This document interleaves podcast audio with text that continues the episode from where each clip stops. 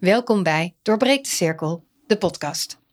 In deze podcast praat ik, Milou van Beek, auteur van het gelijknamige boek, met deskundigen over opvoeden.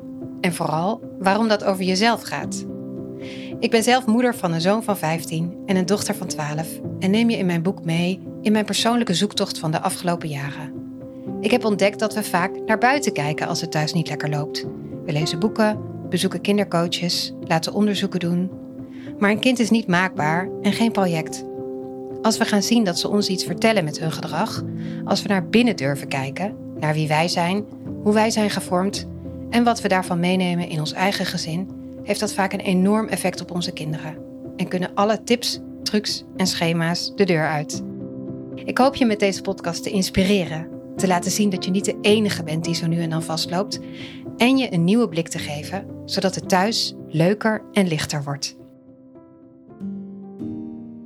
In deze aflevering ben ik op bezoek bij klinisch psycholoog Jan Derksen. Ik bespreek met hem onder andere de term pretparkgeneratie of achterbankgeneratie, die hij gebruikt om de huidige generatie kinderen te typeren. Hij legt uit wat hij daarmee bedoelt en we hebben het over de vroege kindertijd en het belang van een veilige hechting. Wat gebeurt er allemaal in het eerste levensjaar en hoe werkt dit een leven lang door in bijvoorbeeld de emotionele ontwikkeling, de identiteit en het vertrouwen? Hij vroeg achteraf of het niet een wat chaotisch gesprek was. Ik zou zeggen luister en laat het me vooral weten. Veel luisterplezier. Hallo Jan. Goedemorgen. Goedemorgen nog. Wij zitten hier in jouw uh, middag. middag ja. Imposante, wat is het? Bibliotheek, werkkamer. Um, plek waar je, nou ja, denk ik wel graag bent. Op een mooie plek in uh, de buurt van Nijmegen zijn we. Ja. Um, jij, moet ik zeggen, was uh, hoogleraar of ben je nog steeds? Emeritus, hè? Emeritus, Emeritus ja. hoogleraar. Ja. Klinische psychologie. Ja. Klinische psychologie. Op de Radboud Universiteit Aan Nijmegen. de Vrije Universiteit van Brussel. Ja? Aan de Radboud Universiteit uh, was ik altijd hoofddocent psychodiagnostiek. Mm -hmm. En kan je dat iets toelichten? Kortdurende? Psychodynamische psychotherapie. Dus dat betekent, ik ben qua, uh, wat mijn klinisch werk betreft, ben ik uh, opgeleid als psychoanalyticus. Ja. De klassieke Freudiaanse opleiding. Mm -hmm. En uh, psychodynamische psychotherapie is een nieuwe ontwikkeling, waar ik vroeger twee jaar over deed en dan iemand elke dag zag. Dat doe je nu in tien zittingen. Dus uh, psychodynamische psychotherapie betekent dan dat je heel diepgravend mensen probeert te beïnvloeden in hun dieper liggend, onbewuste, emotionele leven. En dat je daarmee zeg maar behandelingen doet, dus die echt structurele veranderingen in iemands psychische mechanismes realiseert. En daar onderwijs in geven is uh, erg interessant tegenwoordig, want de jonge collega's vinden dat fantastisch. Want dan leren ze ook op een hele andere manier met patiënten werken, namelijk in het hier en nu met emoties werken. Mm -hmm. in, in, plaats van wat ze vooral geleerd hebben met denkpatronen en met cognities werken. Ja, want dat heb ik je wel vaker horen zeggen, dat het heel belangrijk is om met emoties te werken. Ja, als je, als je mensen wilt uh, uh, helpen veranderen in hun psychische processen en patronen, en bij psychische stoornissen is dat natuurlijk de bedoeling. Mm -hmm. Dus dan kan dat niet zonder dat je in het hier en nu met de emoties van deze mensen werkt. Hè? Eh, want als je, op de, uh, als je geboren wordt, dan kom je ook met emoties op de wereld. En dat eerste levensjaar ontwikkelen zich verschillende primaire emoties. Mm -hmm. En die worden dan gereguleerd in de gehechtheidsrelatie. En daar zitten meestal de weeffouten. Ja. En wil je dat dus echt kunnen repareren, moet je dat proces van die eerste jaren eigenlijk opnieuw doen. En dat kan. Ah, nou dat is al goed ja. nieuws. Ja. Dan komen we ook meteen bij waarvoor ik hier ben. Want we gaan het hebben over. Ik vind het altijd lastig om te zeggen, we gaan het hebben over opvoeden. Omdat ik dat toch, uh, dat domein. Uh, het klinkt meteen zo belerend als we het daarover gaan hebben. Ik wil eigenlijk vooral uh, inspireren en, en uw, jouw kennis gaan delen op deze manier. Um, en je bent best uitgesproken als het gaat over opvoeden. Ja. Um, en uh, daar wil ik het over hebben. En op, over de hechting. Dus misschien eerst maar even, omdat je het daar nu zelf ook over had, over die hechting. Daar gaat nog wel eens wat mis. Um, ja. En ik vind het is best opvallend dat er vrij weinig uh, kennis over is. Ja. En uh, dat is, vind jij ook wel belangrijk dat dat er meer komt? Of misschien zelfs zorgelijk dat, dat daar weinig uh, bekend over is? Want het heeft een enorme invloed. En mensen komen misschien later dus in therapie terecht omdat er daar wat is misgaan. Of misschien is er iets over te zeggen hoe vaak dat een reden is dat je later in de knoop komt. Ja, dus uh, binnen de, het wetenschappelijk onderzoek weten we heel veel van hechting en gehechtheid en alle mechanismes die daarin zitten. En de opvoeders in, in Nederland en daarbuiten, die weten daar doorgaans uh, niets over of heel weinig. Ja. En het wordt ook nooit. Nee, uh, je, hoort er niks over eigenlijk. Nee, dus nee. Op, op een consultatiebureau geven ze geen uitleg over iets cruciaals in de mensenleven, namelijk. Mm -hmm het gehechtheidsproces waarbinnen de psychologische geboorte plaatsvindt. Er wordt wel aan de fysiologie en de biologie aandacht besteed. Ja. En die prikken die gaan in de billen om van alles te voorkomen. Verder ja. prima. Maar om er nou voor te zorgen dat die gehechtheid zich goed ontwikkelt en dat mensen daardoor een stevige uh, mentale structuur krijgen en mm -hmm. minder klachten en minder moeilijkheden in hun leven hebben, daar is geen enkele aandacht voor. En, nee. en dat is toch opmerkelijk. Hè? Ja. Ik denk ook wel zelfs in de samenleving, nou als je het hebt over empathie bijvoorbeeld, of uh, hoe we met elkaar omgaan, dat daar ook al een basis, dus ook samenleving breed zou het goed zijn als we daar meer aandacht voor zouden krijgen. Ja, als, als gehechtheidsprocessen uh, beter en sterker vorm krijgen, dan zijn dat mensen die uh, veel evenwichtiger met andere mensen kunnen omgaan. We, we weten uit talloze empirische studies dat als, als er in die gehechtheidsprocessen in het eerste levensjaar, tweede levensjaar, derde levensjaar weeffouten ontstaan, dan voorspelt dat uh, relatieproblemen, het voorspelt psychische aandoeningen, het voorspelt gemakkelijk uh, lichamelijke klachten, uh, dus die door niet goed gereguleerde emoties zich dan in het lijf gaan uiten. En uiteindelijk zijn we een biopsychosociale hutspot als mensen. Dus dat werkt allemaal samen. Ja. En dus eh, die hele psychologische ontwikkeling is zo ongeveer een derde van de persoonlijkheid. Hè? Dus de, je hebt de biologie en de fysiologie. Ja. De hersenen zijn bij de geboorte voor de helft af. Die andere helft wordt bijgeklust door uh, de psychologische processen en door de cultuur. Door de omgeving eigenlijk. Ja, ja. En, en sterker, door de specifieke cultuur waarin je groot wordt. Die cultuur bepaalt de aard van de gehechtheidsrelatie. Hè? Maar die, die is altijd wisselend, in verschillende culturen heel sterk Mhm. wisselend. -hmm. Dus die sociaal-culturele context is cruciaal, vormt ook een derde van de persoonlijkheid. En die bepaalt veel meer het hechtingsproces natuurlijk dan de biologie. -hmm. En dus dat deel, de psychologische processen en de sociaal-culturele processen, die klutsen samen met de, met de neurobiologie en de fysiologie. Mhm. Mm -hmm. En daar ontstaat op een hele ingewikkelde manier de persoon uit. Maar dus Ja. in mijn ogen zijn die psychologische processen en sociaal-culturele processen even belangrijk Mhm. als de biologisch-fysiologische Ja. processen. En we hebben alleen aandacht, ook in de ziekenhuizen, voor de biologie en de Ja. fysiologie. En de rest wordt verwaarloosd. Ja. Met als gevolg dat we natuurlijk ook mensen hebben die op, op dit moment in hun gedrag niet of nauwelijks te sturen zijn. Dat hebben we met de coronapandemie ook gezien. Eh, Mhm. We hebben kikkers die alle kanten uit de kruiwagen springen. En eh, dan proberen ze het gedrag te beïnvloeden. En dat mislukt keer op keer. En eh, er wordt geen aandacht besteed aan wat we allemaal weten van de vroege kindertijd. Want dat past nog een beetje onder het eh, motto van ja, achter de voordeur ga je er Ja, niet mee Bemoeien bemoeien. we ons hè? niet mee. Nee. In, al lang geleden toen ik over zeg maar, narcisme schreef, toen had ik een discussie met ontwikkelingswerkers. En toen zei ik van ja, jullie bouwen in die landen van alles en dan ga je weg en dan wordt het weer afgebroken. Dus dat heeft volgens mij niet zoveel zin. Het blijkt ook dat ontwikkelingshulp, als je dat uitrekent, niet veel heeft bijgedragen. Dan zeg ik van waarom doen jullie niks aan de opvoeding? Hè? Ja. En dan zeggen ze wel, nee, daar bemoeien we ons niet mee. Maar dus eh, wel die spuiten in de billen, dat is in ieder geval goed nieuws. Mhm. Maar de opvoeding, dus dat je ook mensen helpt om de gehechtheidsprocessen vorm te geven. En de Ja. leerprincipes die al heel lang bekend zijn, te gebruiken in de opvoeding. Ja. Als je dat ook doet, dan heb je een meer wetenschappelijk ondersteunde opvoeding. Waardoor mensen, zeg maar, minder destructief worden, minder psychopathisch worden, minder ziek worden, et cetera. En op een of andere manier mag dat dan niet. Nee, want wat wel mag is dat je van het consultatiebureau lijsten krijgt waarin je vertelt over wat er in jouw familie of er alcoholmisbruik was of er mis, uh, mishandeling, al dat soort dingen. Maar dat zijn lijsten en dan kom je eventueel in een dossiertje waardoor je extra in de gaten wordt gehouden. Ja.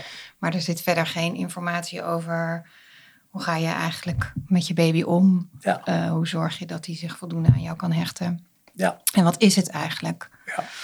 Uh, ik denk dat het goed is om dat nog even, want je hebt natuurlijk verschillende hechtingsstijlen. Ja. Zo noem je het, geloof ik. Hè? Ja. Vermijdend, angstig, veilig. Zijn dat de drie belangrijkste? En gedesorganiseerd en gedesoriënteerd, dus de meer ernstig verstoorde stijlen. Mhm. En, en een veilige gehechtheid eh, is een soort ideaal om naar te streven, maar dat komt ook niet zo vaak voor. Dus, eh, er zijn heel veel mild verstoorde, Ja. veilig gehechte mensen. Mhm. En die hebben bijvoorbeeld angststoornissen. Hè? Mhm. Dus eh, het eerste levensjaar is het jaar waarbinnen de gehechtheidsrelatie wordt opgebouwd. Mhm. Onderzoekers kunnen al op acht maanden bij eh, de baby constateren welke hechtingsstijl zich aan het ontwikkelen is. In het eerste levensjaar ontwikkel je ook wat we de basic trust noemen, het basisvertrouwen. Ja. En als het daar dus eh, op kleine schaal niet zo goed gaat, Mhm. dan heb je dus een grondslag in je persoonlijkheid om snel angstig eh, zeg maar, te worden. Dus eigenlijk alle angststoornissen wortelen in het eerste levensjaar. En als je die gehechtheid goed kunt opbouwen met je kind, zijn ze minder angstig. En kun je daar concreet voorbeeld van geven?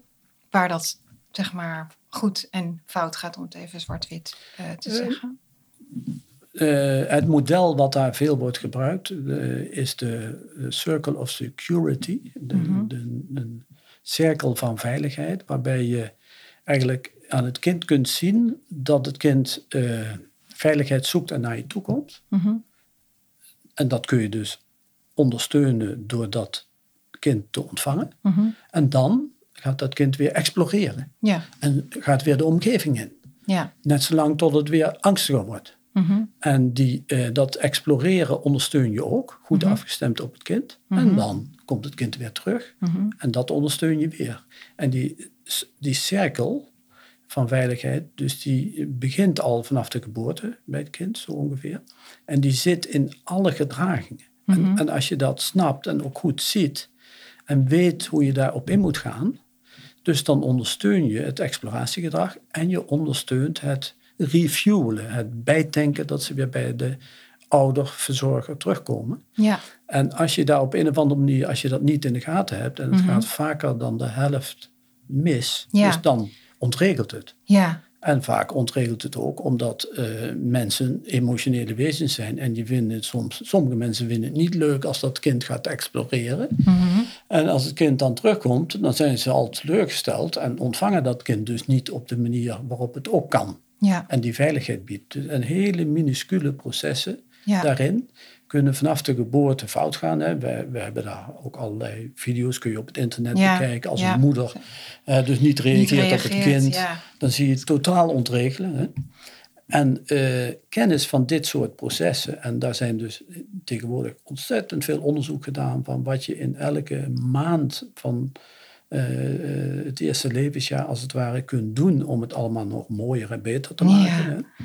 Ook met muziek en de manier waarop je praat en de manier waarop je een kind vasthoudt en de bewegingen die je met een kind maakt. Daar is heel veel over bekend. Ja, Wat ertoe leidt dat zeg maar, de psychologische stevigheid veel meer kansen krijgt. ja, En dus dat, dat is geen ideologie, hè? dus dat is niet zoiets van dokter Spock van vroeger Nee, of de katholieke van traditie iemand, ja, van de ja. erfzonde moet je eruit halen bij het kind. Of, hè? Maar dat zijn dus wetenschappelijke zeg maar, gegevens die een goede theorie hebben. De hechtingstheorie is vergelijkbaar met de evolutietheorie in de biologie. Mhm. En dus eh, als je die theorie en al het empirisch onderzoek en alle technieken die er nu zijn gebruikt in de eerste paar levensjaren, Mhm. dan heeft dat voor onze gezondheid en de volksgezondheid gigantische voordelen. ja, En op een of andere manier is dat een braakliggend terrein ja. en wordt het niet gebruikt. Nee. En ergens heb ik ook de associatie dat het misschien nog wel moeilijker wordt, omdat we natuurlijk de kinderen op een jongere leeftijd ook onderbrengen op andere plekken. Ja, eh, waardoor ze veel meer verzorgers hebben of ja, minder kunnen hechten misschien aan één ja. uh, ouder.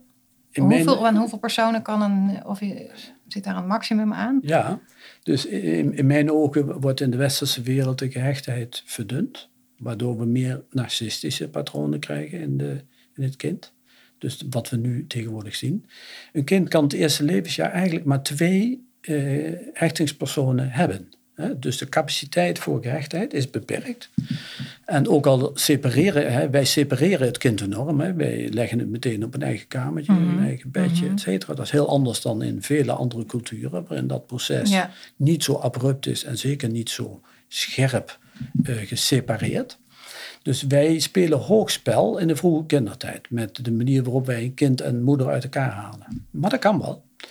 Maar dan tegelijkertijd uh, betekent het wel dat de, de gehechtheidspotentieel van het kind het nodig heeft om met twee stabiele personen maximaal, met één kan ook, maar beter met twee, uh, het eerste levensjaar op te bouwen. Mhm. In Nederland is het zo dat een kind op drie maanden al zes verschillende verzorgingspersonen heeft. Dus dat wordt hechtingstheoretisch gezien al overvraagd. Ja. Wat invloed heeft op de ontwikkeling. Dus, want dan moet dat kind al heel vroeg heel autonoom proberen te worden. Verderop heeft dat in mijn ogen invloed op, uh, op de ontwikkeling van de narcistische patronen, die dan het zelf wat gaan opblazen en vaak dan weer niet zo goed gereguleerd wordt.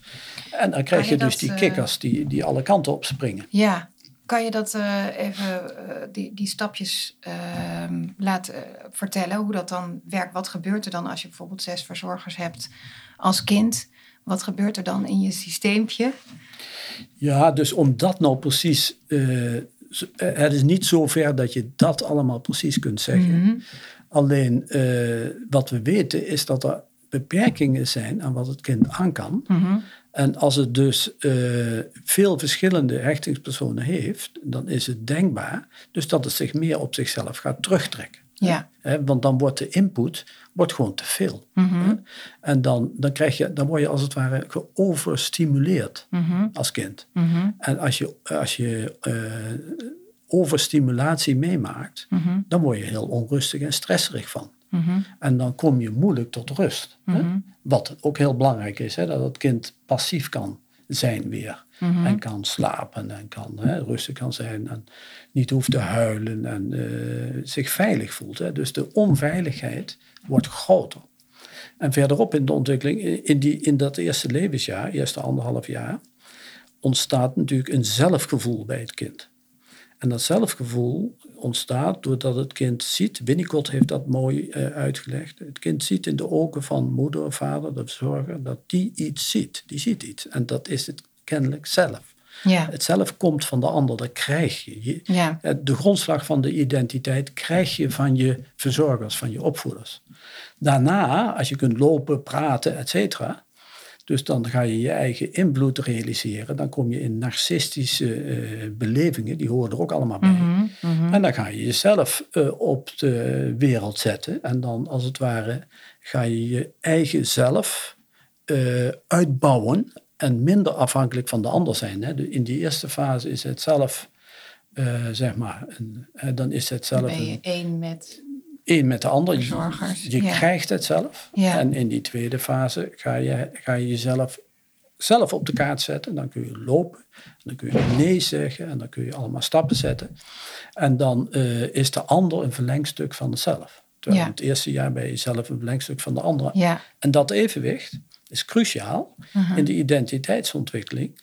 Want uiteindelijk uh, voor het menselijk gedrag zijn er twee bronnen, het zelf en de ander. Mhm. En als dat een evenwicht is, dat je net zo goed let op de ander als dat je uh, je eigen dingen meeneemt, mhm. dan kun je redelijk evenwichtig functioneren. Dat gaat dus heel vaak mis. Een kind wat onzekerder wordt, daarbij zie je dan vaak dus dat het uh, in die narcistische fase heel sterk op zichzelf georiënteerd wordt. En dus veel meer zichzelf als bron voor het gedrag neemt dan de ander nog. Mhm. En dan krijg je dus wat we in onze cultuur nu constateren aan doorgeslagen individualisering.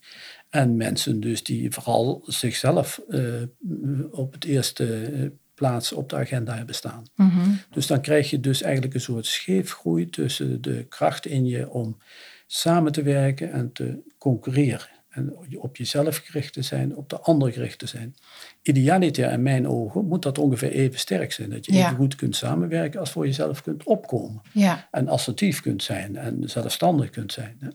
En dat hele proces gaat in die vroege kindertijd makkelijk mis als je daar geen oog voor hebt. Ja, en uh, ik denk ook dat bij de een het meer mis kan gaan dan bij de ander. Ja, dat is altijd Ja, dus zoals ik bijvoorbeeld een, een kind heb met heel veel temperament. Dat is niet alleen een, een, een flinke uitdaging uh, voor ouders.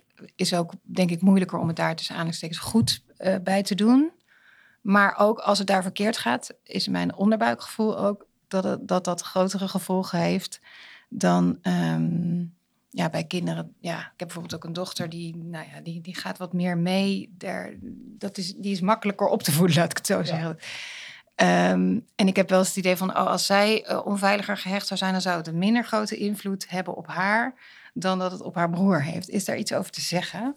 Ja, dus uh, er is één belangrijke dimensie in de persoonlijkheid, die, die al uh, vanaf de geboorte ook zichtbaar is door de structuur van het temperament. Dat is extraversie en introversie. En de extraverte, hele energieke kinderen, die we tegenwoordig eh, ADHD noemen. Ja. En vroeger was dat MBD of minimal brain dysfunction. Er zijn allemaal termen voor geweest. Mm -hmm. Dus de extraverte, meer impulsieve, op de buitenwereld georiënteerde kinderen. Ja.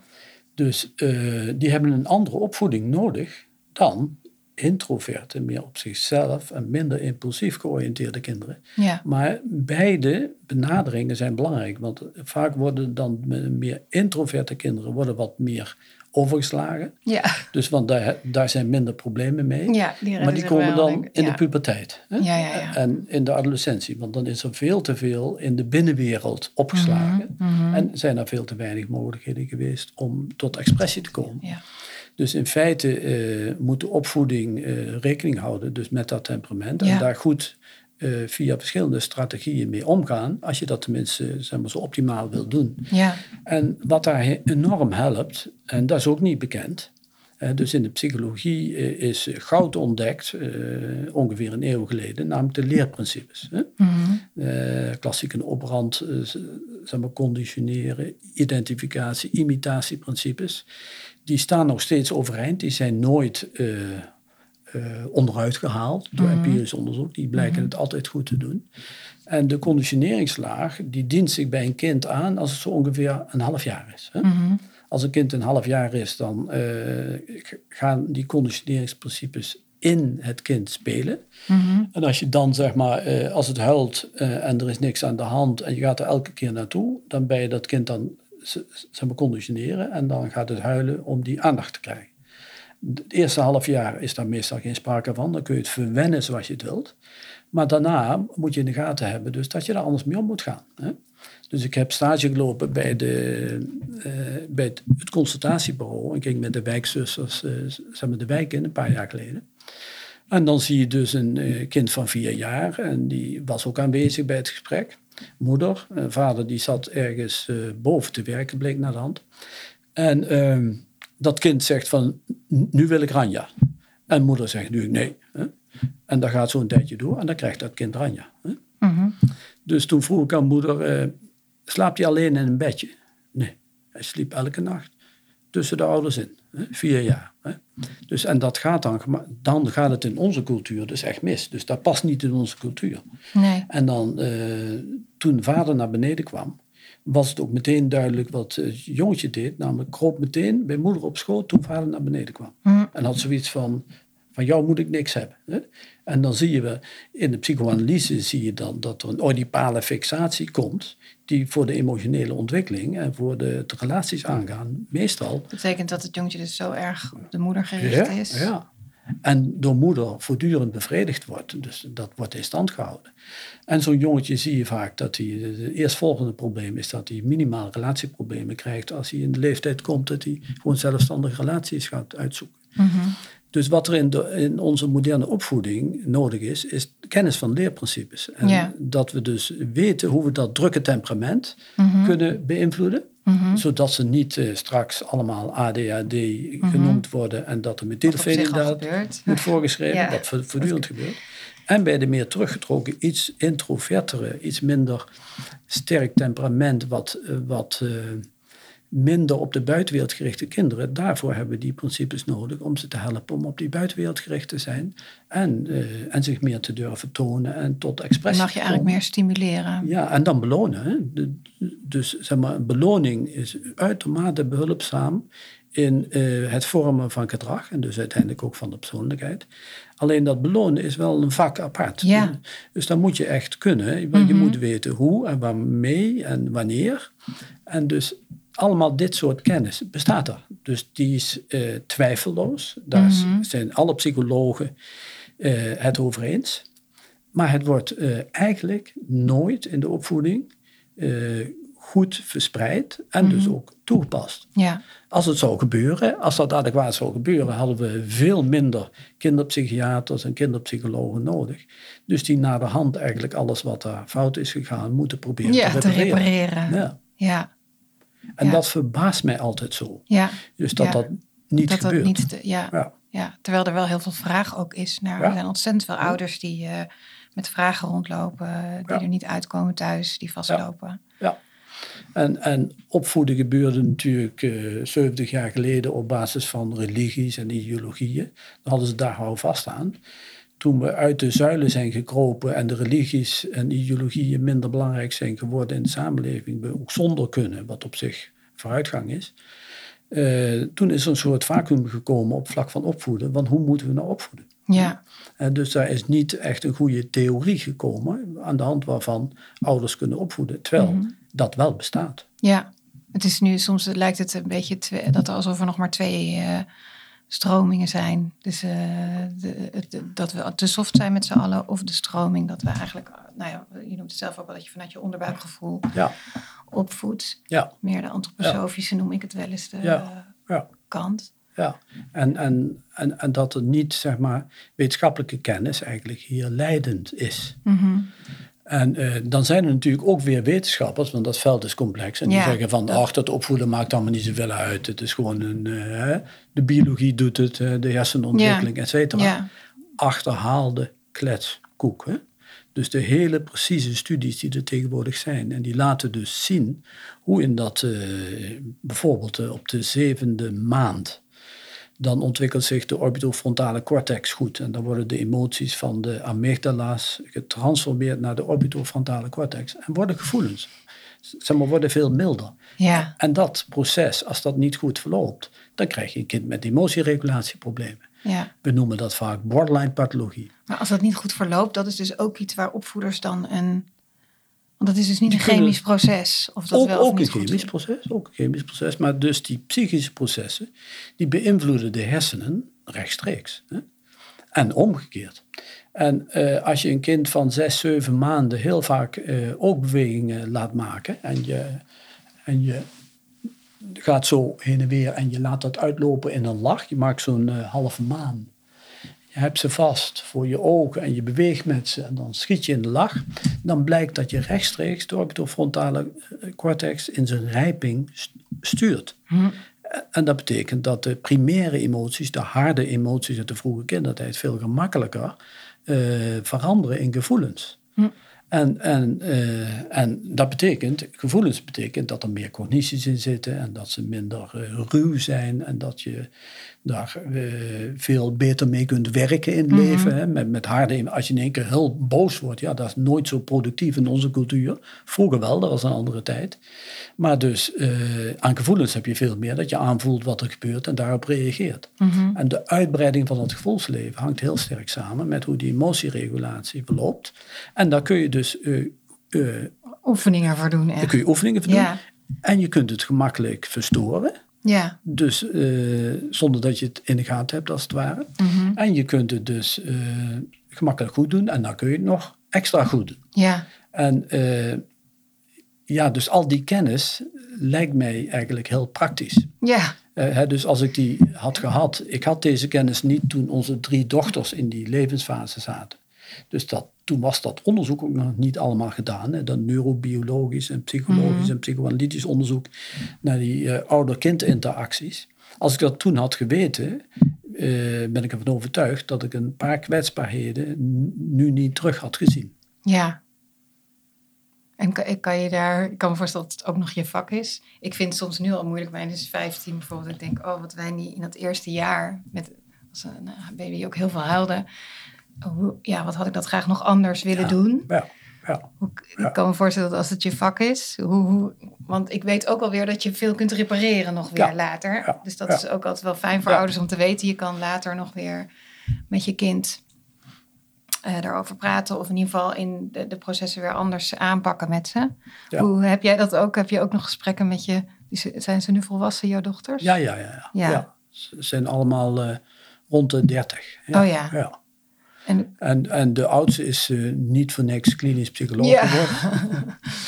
en de andere werkt in de media als producer. En een eh, werkt in de innovation science en eh, in de duurzaamheid. oh ja, Dus die hebben hun routes wel gevonden. Zeker, maar ja. Dus ik zie natuurlijk ook met wat ik nu weet van de vroege kindertijd en ook me herinner hoe dat gegaan is. ja, Dan denk ik van nou, eh, ze zijn redelijk eh, veilig gehecht. ja. Maar eh, op allerlei vlakken hadden we nog echt het veel beter kunnen doen. ja. En heb je dat wel eens met ze besproken?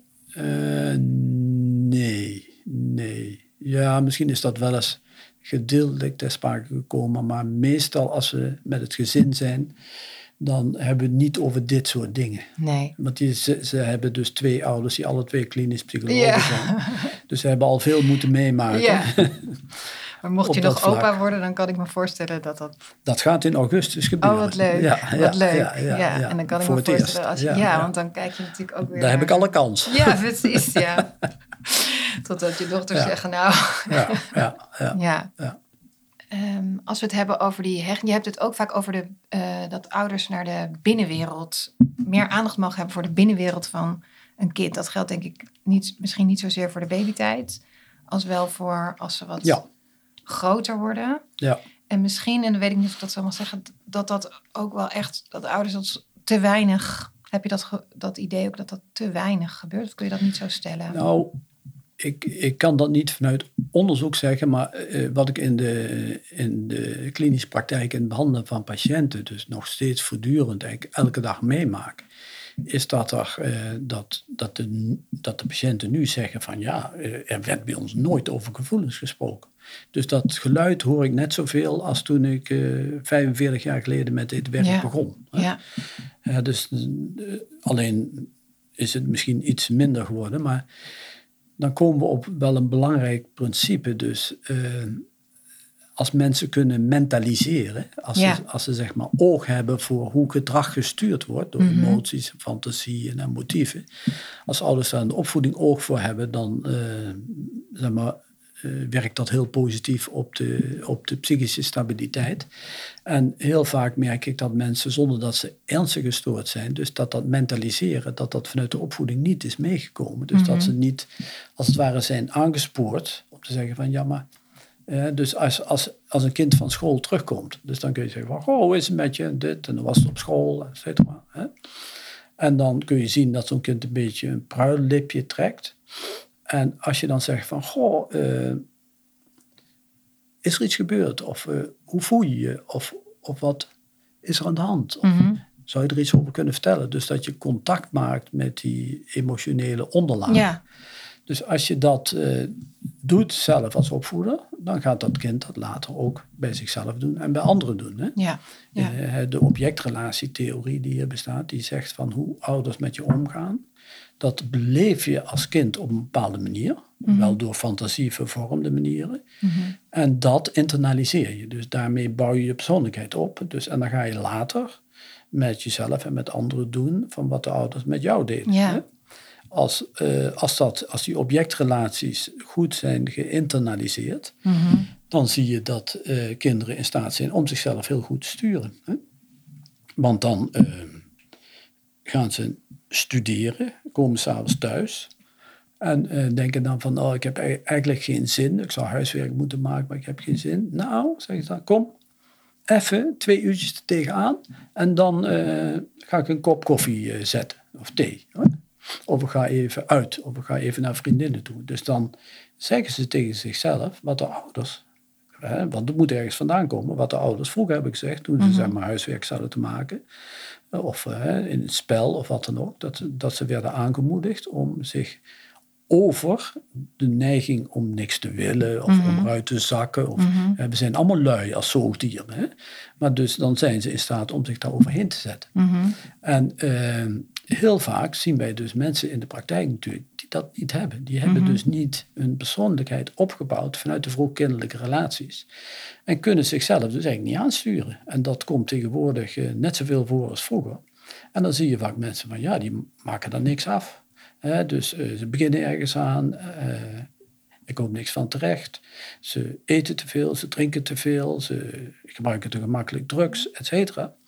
En, uh, en, en de relaties mislukken. Hè? Ze houden zich niet aan afspraken en ze hebben geen principes. Dus dan zie je als het ware een tekort aan opbouw en aan uh, structuur in hun persoonlijkheid. En is dat dan samen te vatten? Want het zijn eigenlijk een soort van twee dingen. Dus het is, je geeft het voorbeeld van een kind dat thuis komt van school met een pruillip. En dat je als ouder daar even op ingaat en inzoomt van... hé, hey, ik zie dat er iets is. Wil je er wat over zeggen? En je zegt eigenlijk als je uh, te snel opgeeft... Als je, dat je als ouder uh, dus ook de taak hebt om kinderen te leren... dat ze door moeten zetten. Dus als ze hun huiswerk moeten maken... dat je daarmee bezig bent. En is dat dan samen te vatten als een soort oprechte aandacht? Want het ene is meer aandacht voor dat je een kind ziet en dat je het gevoel ziet wat een kind uitstraalt, dat je daarop ingaat. Dus dat je kind misschien ook het gevoel krijgt van ik mag er zijn met mij, ik word gezien. En, het andere is. Daarna, dan hebben ze dat geuit en hebben dat kunnen zeggen. En dan zeg je als ouders, en nou gaan we aan de slag. Oké. Nou gaan we een spelletje doen. Of nou gaan we, uh, ik help dat je, je in blijft hangen. Nee, niet in blijven hangen. Uh, dus, dus, die, uh, dus dan laat je een kind zien hoe het daarmee om kan gaan. Mm En dus met die binnenwereld omgaan. Op allerlei vlakken kan dat, bij allerlei type gevoelens kan dat. En dan leer je ze om daarmee om te gaan. En dus, dus daar uiteindelijk ego-sterk in te worden. Hè? Dus niet het slachtoffer te worden van de gevoelsmatige uh, processen, maar dus daar die te herkennen, een plek te geven en daarmee te dealen en dan weer in de realiteit gewoon te kunnen doen wat belangrijk is in het leven. En dus dan, je helpt ze bij beide componenten en dan uh, krijgen ze in, in moderne termen, noemen we dat in de psychologie, emotionele intelligentie. Ja. Dus dat ze goed hun gevoelens kunnen aflezen en daarmee kunnen werken. Ja. En waar ik in deze tijd vooral bang voor ben, is dat het uh, niet aan cognitieve intelligentie ontbreekt. Want ze krijgen allemaal bijlessen en ze worden voortdurend opgeplust om zo hoog mogelijke scholing te behalen. Mhm. Maar de emotionele kanten mhm. worden in mijn ogen chronisch verwaarloosd. Waarbij uh, er veel te weinig aandacht is voor die binnenwereld. En ze ook worden geholpen om die binnenwereld ook vorm te geven. Ja, en je zei net al, eigenlijk ouders. Uh, ja, je zei het niet zo letterlijk, maar wat ik ervan maak is eigenlijk herhalen ouders wat zij, hoe zij, hun ouders het met hun hebben gedaan vroeger. Uh, waarbij ik dan nog denk, oh, is het nu, zou het nu dan. We hebben natuurlijk meer een prestatiemaatschappij met drukkere ouders, waardoor, je, waardoor er, dat misschien nog meer onder druk staat. Um, maar het is ook zo dat er heel veel ouders dus niet hebben, het zelf niet hebben geleerd. Nee. Kan je het dan, als je daar geen, als je niet bij jou op de niet de bank, maar de, niet de sofa, maar de stoel terecht bent. Kan je, als je die, vaak weet je het dan dus denk ik ook niet. Nee. Dat, Nee, nee dus en, uh, en dat is ook vaak een idee geweest in de pedagogiek. Moeten dan die ouders eerst allemaal niet in therapie voordat ze een kind kunnen opvoeden? Dus dat was natuurlijk een soort zeg maar, discussie met een open eind. Maar wat blijkt nu? Dat je zeg maar, als je, als het je, als je kunt mentaliseren, en dat kan tegen de achtergrond van allerlei opvoedingen, in feite. Uh, alleen een veilige gehechtheid maakt mentaliseren gemakkelijker. Mhm. Maar als je kunt mentaliseren, dan is dat eigenlijk voldoende. En dus als je, zelf, als je in de gaten hebt bij jezelf, waardoor je gestuurd wordt mhm. in je gevoelswereld en in je mhm. motieven en fantasieën, dan pak je dat bij de kinderen ook gemakkelijker op. En dan is het zelfs nog zo dan mag je het in de helft van de gevallen verkeerd doen. En dan gaat het in de opvoeding goed. goed nieuws. Ja. ja. en dan gaat het in de opvoeding goed. Dus je hoeft niet in psychoanalyse of in uh, psychotherapie. Maar dat mentaliseren, daarom hebben we daar een spel van gemaakt in het verleden. We hebben een spel gemaakt waarin je mentaliseren kunt trainen. Mhm. Dat wordt door niemand gebruikt. Ja. Maar, nou, misschien bij Maar- deze. Dat is- maar het bestaat. ja. En eh, dus Rino Zuid in Eindhoven, die eh, or- organiseren dat. En daar kun je dat eh, hè, meemaken. En ehm, als je dus echt eh, kunt men- mentaliseren, dat betekent dat je oog hebt voor het gevoelsleven, bij jezelf en bij anderen. Dus dan eh, hoef je niet in therapie. En dan kan Mhm. het in de opvoeding heel goed gaan. Blijkt uit onderzoek met name van Peter Fonagy in eh, Engeland.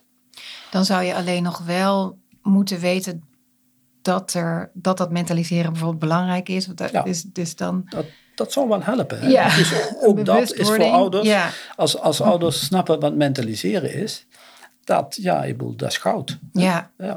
want eh, er zijn natuurlijk heel veel ouders die, ehm, die zeggen dat zij ehm, nou ja, ne- nergens tegenaan lopen, dat ze een prima leven hebben. Dat ze, maar die bijvoorbeeld wel vastlopen met kinderen, eh, wat ik veel zie en zelf ook heb meegemaakt. Als je bijvoorbeeld dus zo'n kind krijgt met heel veel temperament en je bent zelf bijvoorbeeld niet zo. Je bent wat introverter, dan is dat best heel complex om die. Ja. Op de een of andere manier denk Ja. je toch dat je een soort kloontje op de wereld zet. Ik weet niet wat het is, maar je verwacht dat een kind lijkt op, op jou. En het is ook best ingewikkeld als je eh, dus zelf niet zo goed weet hoe je met die emoties om moet gaan. Om dat ehm, wel met een kind eh, Ja.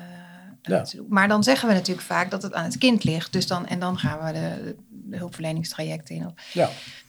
Terwijl eigenlijk zeg jij van als je dan kan leren mentaliseren, hoef je misschien niet meteen in therapie, want daar Ja. ik niet in. Dan kun je waarschijnlijk al heel ver komen. precies. Hoef je ja. niet naar de kinderpsycholoog, maar Ja, want dan kom je in de interactie met het kind verder. Hè?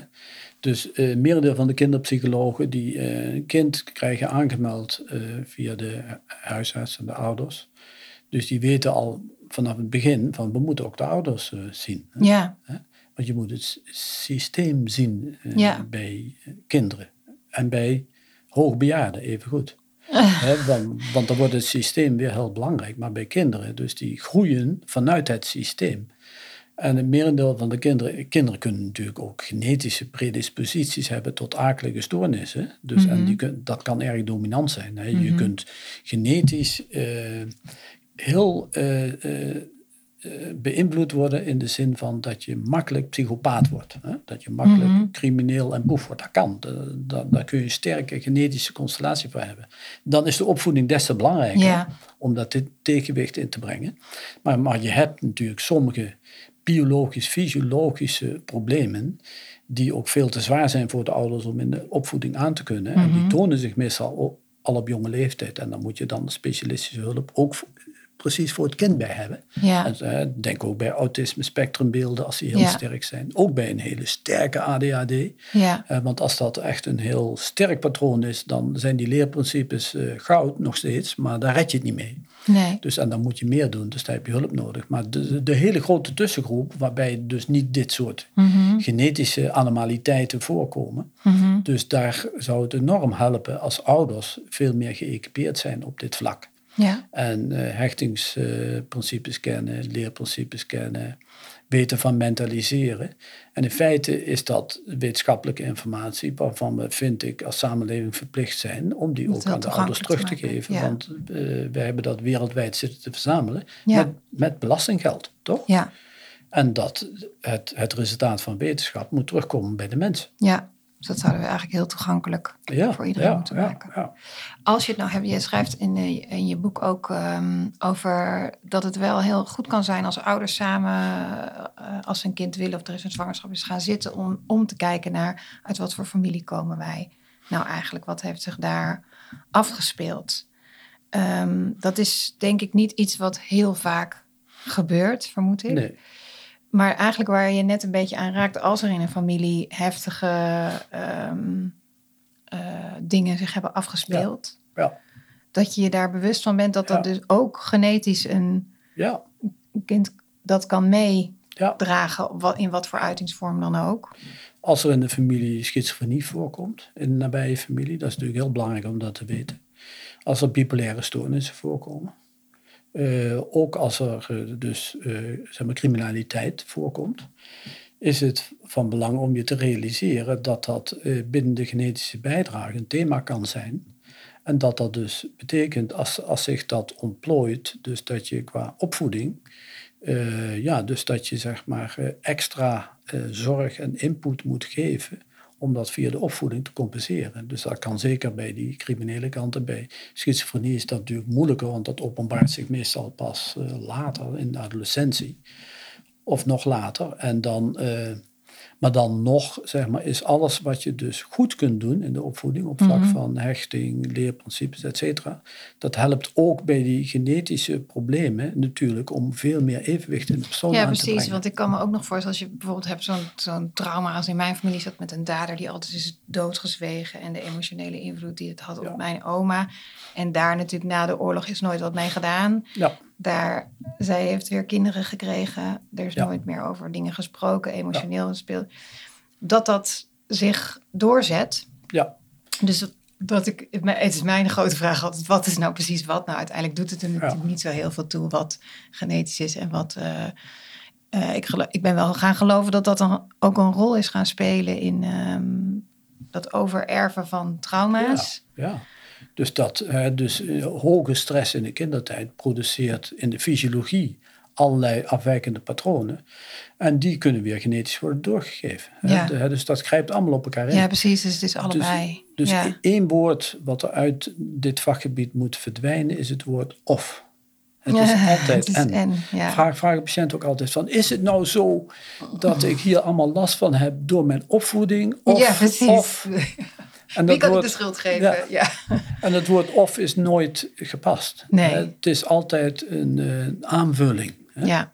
Dus als, als, je, eh, als je maagklachten hebt, dan is het zeker zo dat die maag eh, fysiologisch gezien gevoelig is. Mhm. Maar is het zeker ook zo dat je je stressklachten gemakkelijk via de maag reguleert. Ja. Hè? Ja. Hè, Dus het dus en, in het, elkaar. en het uit elkaar gooien, wat nog steeds in de gezondheidszorg gebeurt. In Ja. de tijd dat ik dat in de media zei, kreeg ik ook op vooral via Twitter ontzettend op mijn donder van long-covid-patiënten. Hoe, hoe durfde ik het toch te zeggen? Nog wel een professor die zegt dat het tussen de oren kan zitten. Dit soort gevoeligheden zijn helaas heel erg actueel nog steeds op al die vlakken. Zeker Ja. bij aandoeningen Ja. waarbij mensen het als een krenking ervaren, Ja. dat het Ja. breder zit. Ja. Ja. En, eh, en eh, mensen worden dus ook eh, in de ziekenhuizen, worden hier in dit opzicht alleen maar bevestigd Ja, in hun ja. biomedisch denken. Ja. Komt er ook nooit meer vanaf. En dat is dan misschien ook omdat ze dus meteen zich aangevallen voelen als het is ja. Ja. mijn schuld. Ja, dat is mijn schuld. Terwijl dat, dat, hè, dus het gaat in de psychologie is een merendeel gaat het over onbewuste processen. Daar ben je niet schuldig aan, Ja. want die ken je niet eens. Nee. En, en, die, en die functioneren in je, daar heb je nooit voor gekozen. Mhm. Maar dat begrip dat het merendeel van het psychisme onbewust verloopt en heel dynamisch is, Mhm. dat is, eh zal het bij psychologen vaak niet echt. Nee. Die snappen dat vaak niet echt. Nee. En ik vond het ook heel interessant dat ik met mensen heb gepraat die bij de GGZ en veel ouders krijgen waar die graag een diagnose willen voor hun kind, of dat nou is autisme of ADHD, omdat dat kind ergens eh, vastloopt. En deze psycholoog die dan ook eerst met de ouders gaat kijken van wat heeft er in jullie leven zich afgespeeld. En dat de diagnose ze soms die willen ze graag omdat het ze kan onschuldigen. Dus het is niet mijn schuld, het ligt ergens anders aan. Maar zo gauw ze dan uiteindelijk toch aangaan wat hun eigen verleden. Want dan heeft dat eigenlijk min of meer hetzelfde effect als ze zich gaan realiseren. Daar kon ik ook niks aan doen. Ja, ja, Die component is, is ook maar mij overkomen. Of, maar nu kan ik er wel. ja. ehm, Zodra je bewust bent van je eigen aandeel, van je kwetsbaarheden, van je conflicten, dan eh, ben je een stap verder. ja, Want dan kun je daar in ieder geval rekening mee houden. Je kunt ervoor kiezen om er iets aan te doen, et cetera. ja, Maar heel vaak zie je dan toch, hè, onze samenleving vind ik zo interessant. Hè? Dus het barst van de psychologische tijdschriften. En iedereen, journalisten doen eh, psychotherapie bijna in hun interviews. Hoe voelt dat dan? En hoe Ja. dit en dat? En als je dan één eh, verdieping dieper kijkt, Mhm. dus dan is het een enorme afweer. Ja. Dan, dan, dan we zijn, Ja.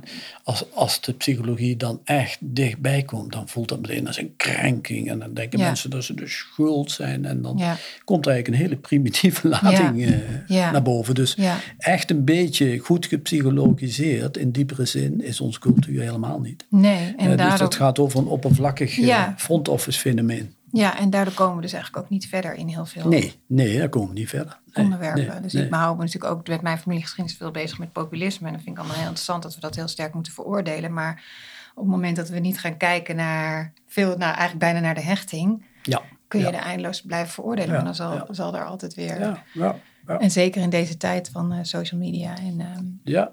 In, in een tijd dat iedereen als het ware zijn eigen waarheden overal kan vinden. ja, En er weinig eh, ja, ri- richting eh, Ja. is. En ook weinig richting wordt gegeven Ja. eh, meer fundamentele kennis. Ja. En nog even, want nou, ik zei het aan het begin, je spreekt je best wel uit ook over ouders. Ik kan me voorstellen, als je hier al boze long-covid hebt, krijg je wel eens boze ouders in je, in je mailbox ook ergens. Ja, Ja, ja, ja, zeker. Ja, ja, ja, ja, want je hebt het over achterbankgeneratie. Je hebt een mooie metafoor over tropische vissen die eh, in de Noordzee terechtkomen. Eh, pretpark, pretparkgeneratie. Ja. Ehm, best pittige uitspraken ehm, eh, voor ouders, denk ik, waar ik zelf ook wel onder val, die dan nog kunnen denken, maar ik, ik doe zo mijn best. Ja, Doe, ja. ehm, doe je dat om eh, echt te prikkelen, om, ze- om ze mensen wakker te schudden? Ja. Dat je, ja. puur een, een, een steen in de vijver gooien, een knuppel in het hoenderhok. Ik snap wel dat ouders ook protesteren, want ik heb ook wel met ze te doen. Want eh, de kinderen nu opvoeden in deze tijd, hè, in deze digitale tijd, ja. is in mijn ogen weer stukken moeilijker als toen wij kleine kinderen hadden, eh, Mhm. begin jaren negentig. Mhm. Dus toen we nog geen last hadden en ook geen voordeel hadden van het internet en van de mobiele telefoons. Ja. Alleen in Japan liepen ze toen in 1990 met zo'n grote mobiele Mm. zeg maar, telefoon op straat. Dus de wereld is natuurlijk enorm veranderd en dat gaat heel snel en dat gaat door. ja. En eh, it takes a village to raise a child, zei Hillary Clinton al. En dat is nu alleen, eh, het is nu geen village meer. Nee, het, het is, het, het, eh, heeft een stad nodig. Ja, ja. Eh, Ja. Dus, dus ik, eh, ik ben niet jaloers op de ouders van nu. En ik snap ook wel dat al- als ik dat soort dingen zeg, dus dat ze daar ook boos over kunnen worden. En dan, als ze dat eh, tegen mij zeggen, dan eh, ga ik daar netjes op in. Dan laat ik ze die boosheid eerst helemaal uiten. En dan praten we verder door. En dan gaat het meestal heel goed. ja.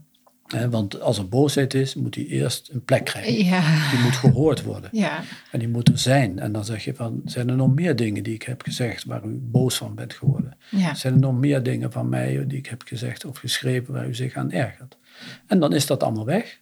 En dan gaan we verder. Ja. En dan komen de eh, kwetsbaarheden aan ta- op tafel, of dan komen de vragen op tafel, of dan komt ook de nuancering eh, aan de orde. Dus, dus op zich loopt dat meestal goed. Ja.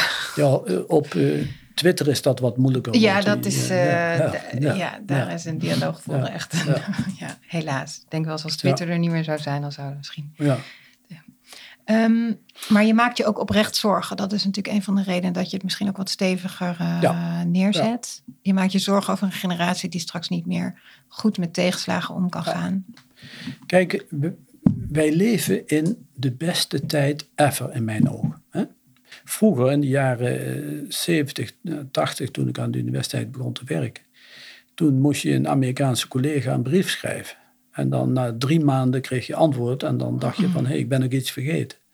Ja, dan moet je weer drie maanden. Ja. Nu zoek je iemand op op het internet en Ja, na een minuut heb je antwoord. Hè? Ja.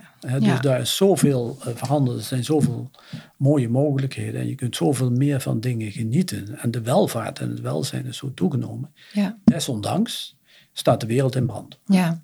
Zijn er grensconflicten, eh, oorlogen.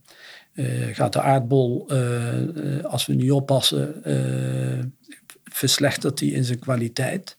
En we kunnen niet allemaal met die Musk dan een andere planeet eh, gaan bezoeken en, en die vervolgens eh, berooid weer achterlaten. Dus wij moeten leren veel beter voor elkaar en voor de aardbol zeg maar, te zorgen. En uh, wij moeten veel meer leren over hoe we vrede kunnen bewaken en zeg maar uh, uit de buurt van de oorlogen blijven. En moeten veel meer aan armoede kunnen doen, et cetera. En aan immigratie en aan de vluchtelingen. En, en daar maak ik me zorgen om, want dat veronderstelt een intrapsychische architectuur van de personen mm-hmm. die redelijk evenwichtig is. En die, die een evenwicht je bedoelt de generatie nu, uh, nou laten we zeggen, die nu kind en tiener zijn, die moeten het straks de grote problemen gaan ja, oplossen. En dan is het belangrijk dat die een evenwichtige, in mijn ogen, intrapsychische architectuur hebben. Dat ze net zo goed voor de ander kunnen zorgen als voor zichzelf. En dat ze ook kunnen blijven houden vanuit die hechting.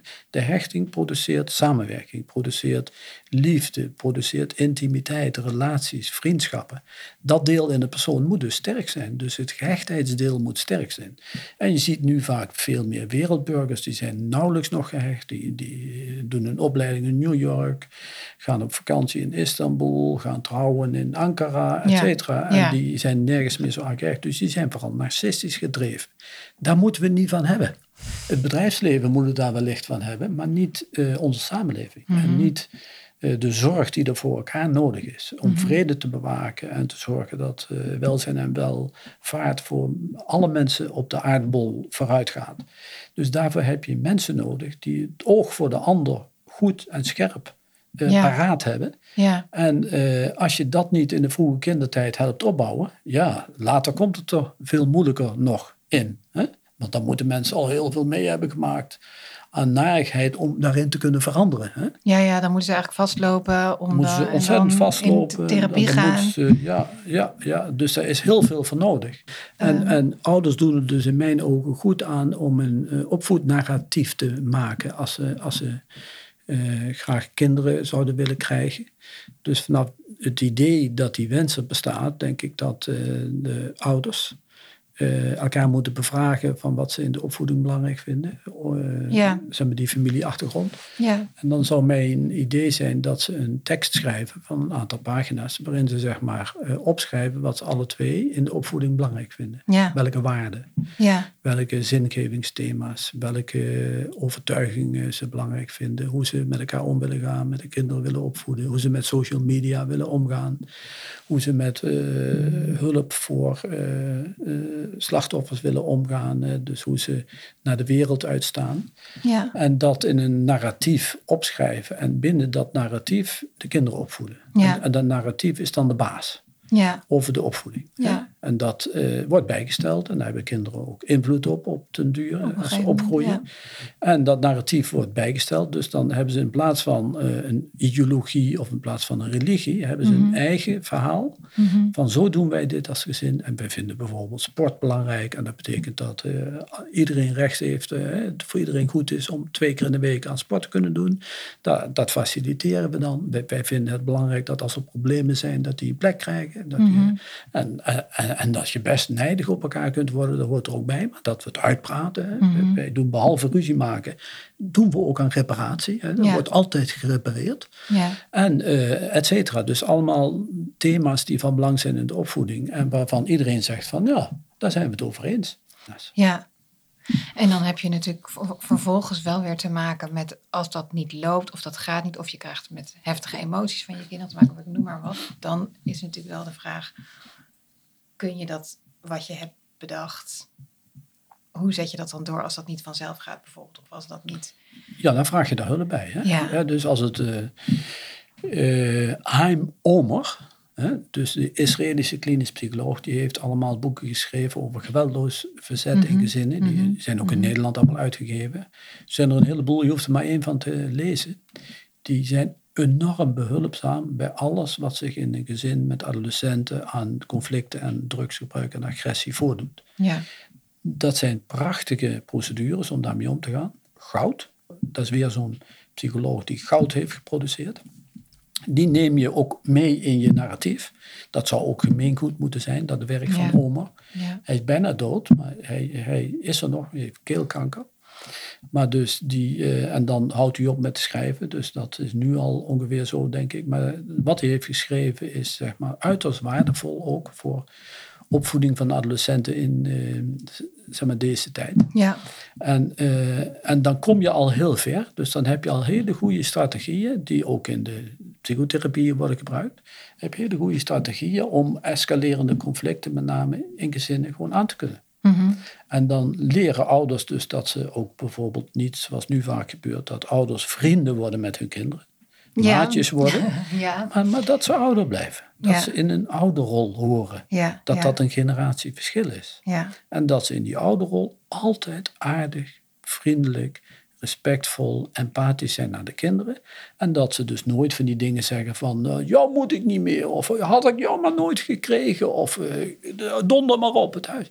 Dus nee, die ouderrol is heel specifiek. Daarin ben je ouder, ben je warm, mag je kind altijd weer bij je terugkomen.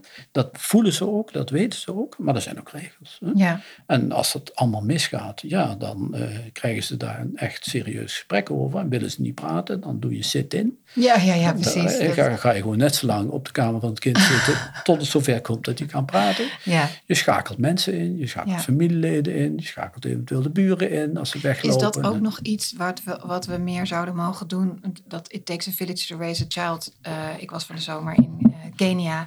Ik vond het ook wel dat ik dacht, ja, dat is echt, is echt gewoon nog steeds zo. Het beeld wat je daarvan hebt, van die dorpjes, nog los van de problemen die daar allemaal zijn. Uh, maar dat is natuurlijk iets wat we echt ook wel. Voor, het is heel individueel geworden. We doen het allemaal achter onze eigen voordeur. Ja. En misschien ja. dan nog een stuk op social media. Of, maar zouden we ook eerder uit mogen reiken naar anderen als, het, als we dat, daar vragen over hebben? Want ik heb soms het idee dat we toch het ook voor onszelf houden en ons ervoor schamen als het misschien niet goed gaat thuis? Nee, ik, ik denk dat dat heel belangrijk is. Dus wij, wij uh, Homo sapiens is niet een type die alles alleen kan. Dus je hebt heel enorme behoefte aan sociale steun. Ja. ja. En, en ouders met opgroeiende kinderen, uh, die, die hebben het tegenwoordig heel vaak moeilijk en houden dat dan in Voor hun zichzelf, gezin. Ja. Belangrijk is dat je goede vrienden hebt met wie je dat kunt delen. Ja. Hè? En in je familie als dat kan, dus dat je daardoor opgevangen wordt. Maar vrienden krijg je meestal omdat je uh, een klik hebt met elkaar en uh, daar heb je geen belangen. Mm -hmm. En die zijn niet voorgegeven, maar daar kun je voor kiezen. Maar dus voor jonge ouders is het zo belangrijk om uh, binnen hun generatie gewoon die contacten te hebben en, en dingen kunnen uitwisselen. En dan ook eerlijk durven zijn daar. Ja, daar eerlijk en openhartig. Dus Ja. een relatie werkt alleen maar op basis van eerlijkheid en openhartigheid. Als, Ja. het, als, er, als het dan niet is, dan is hij weinig waard. En dat de ander dan vervolgens ook niet een advies gaat geven, maar Nee, nee als, als, die, als, die, eh, als die goed... of misschien boven als je erom vraagt, maar Ja. niet. Nee, maar gewoon luisteren. Hè? Ja. En meeleven en, eh, en het snappen. Ja, En, en, en hun eigen ervaringen ook vertellen. Ja. Nou, ik hoop dat we een eh, steentje in de vijver hebben gelegd om in ieder geval hechting veel belangrijker te gaan Ja. vinden. Ik, Eh, ik mag het wel denken, toch? Ja, ja misschien eh, wat brochures van eh, consultatiebureaus. Ja, ja, ja.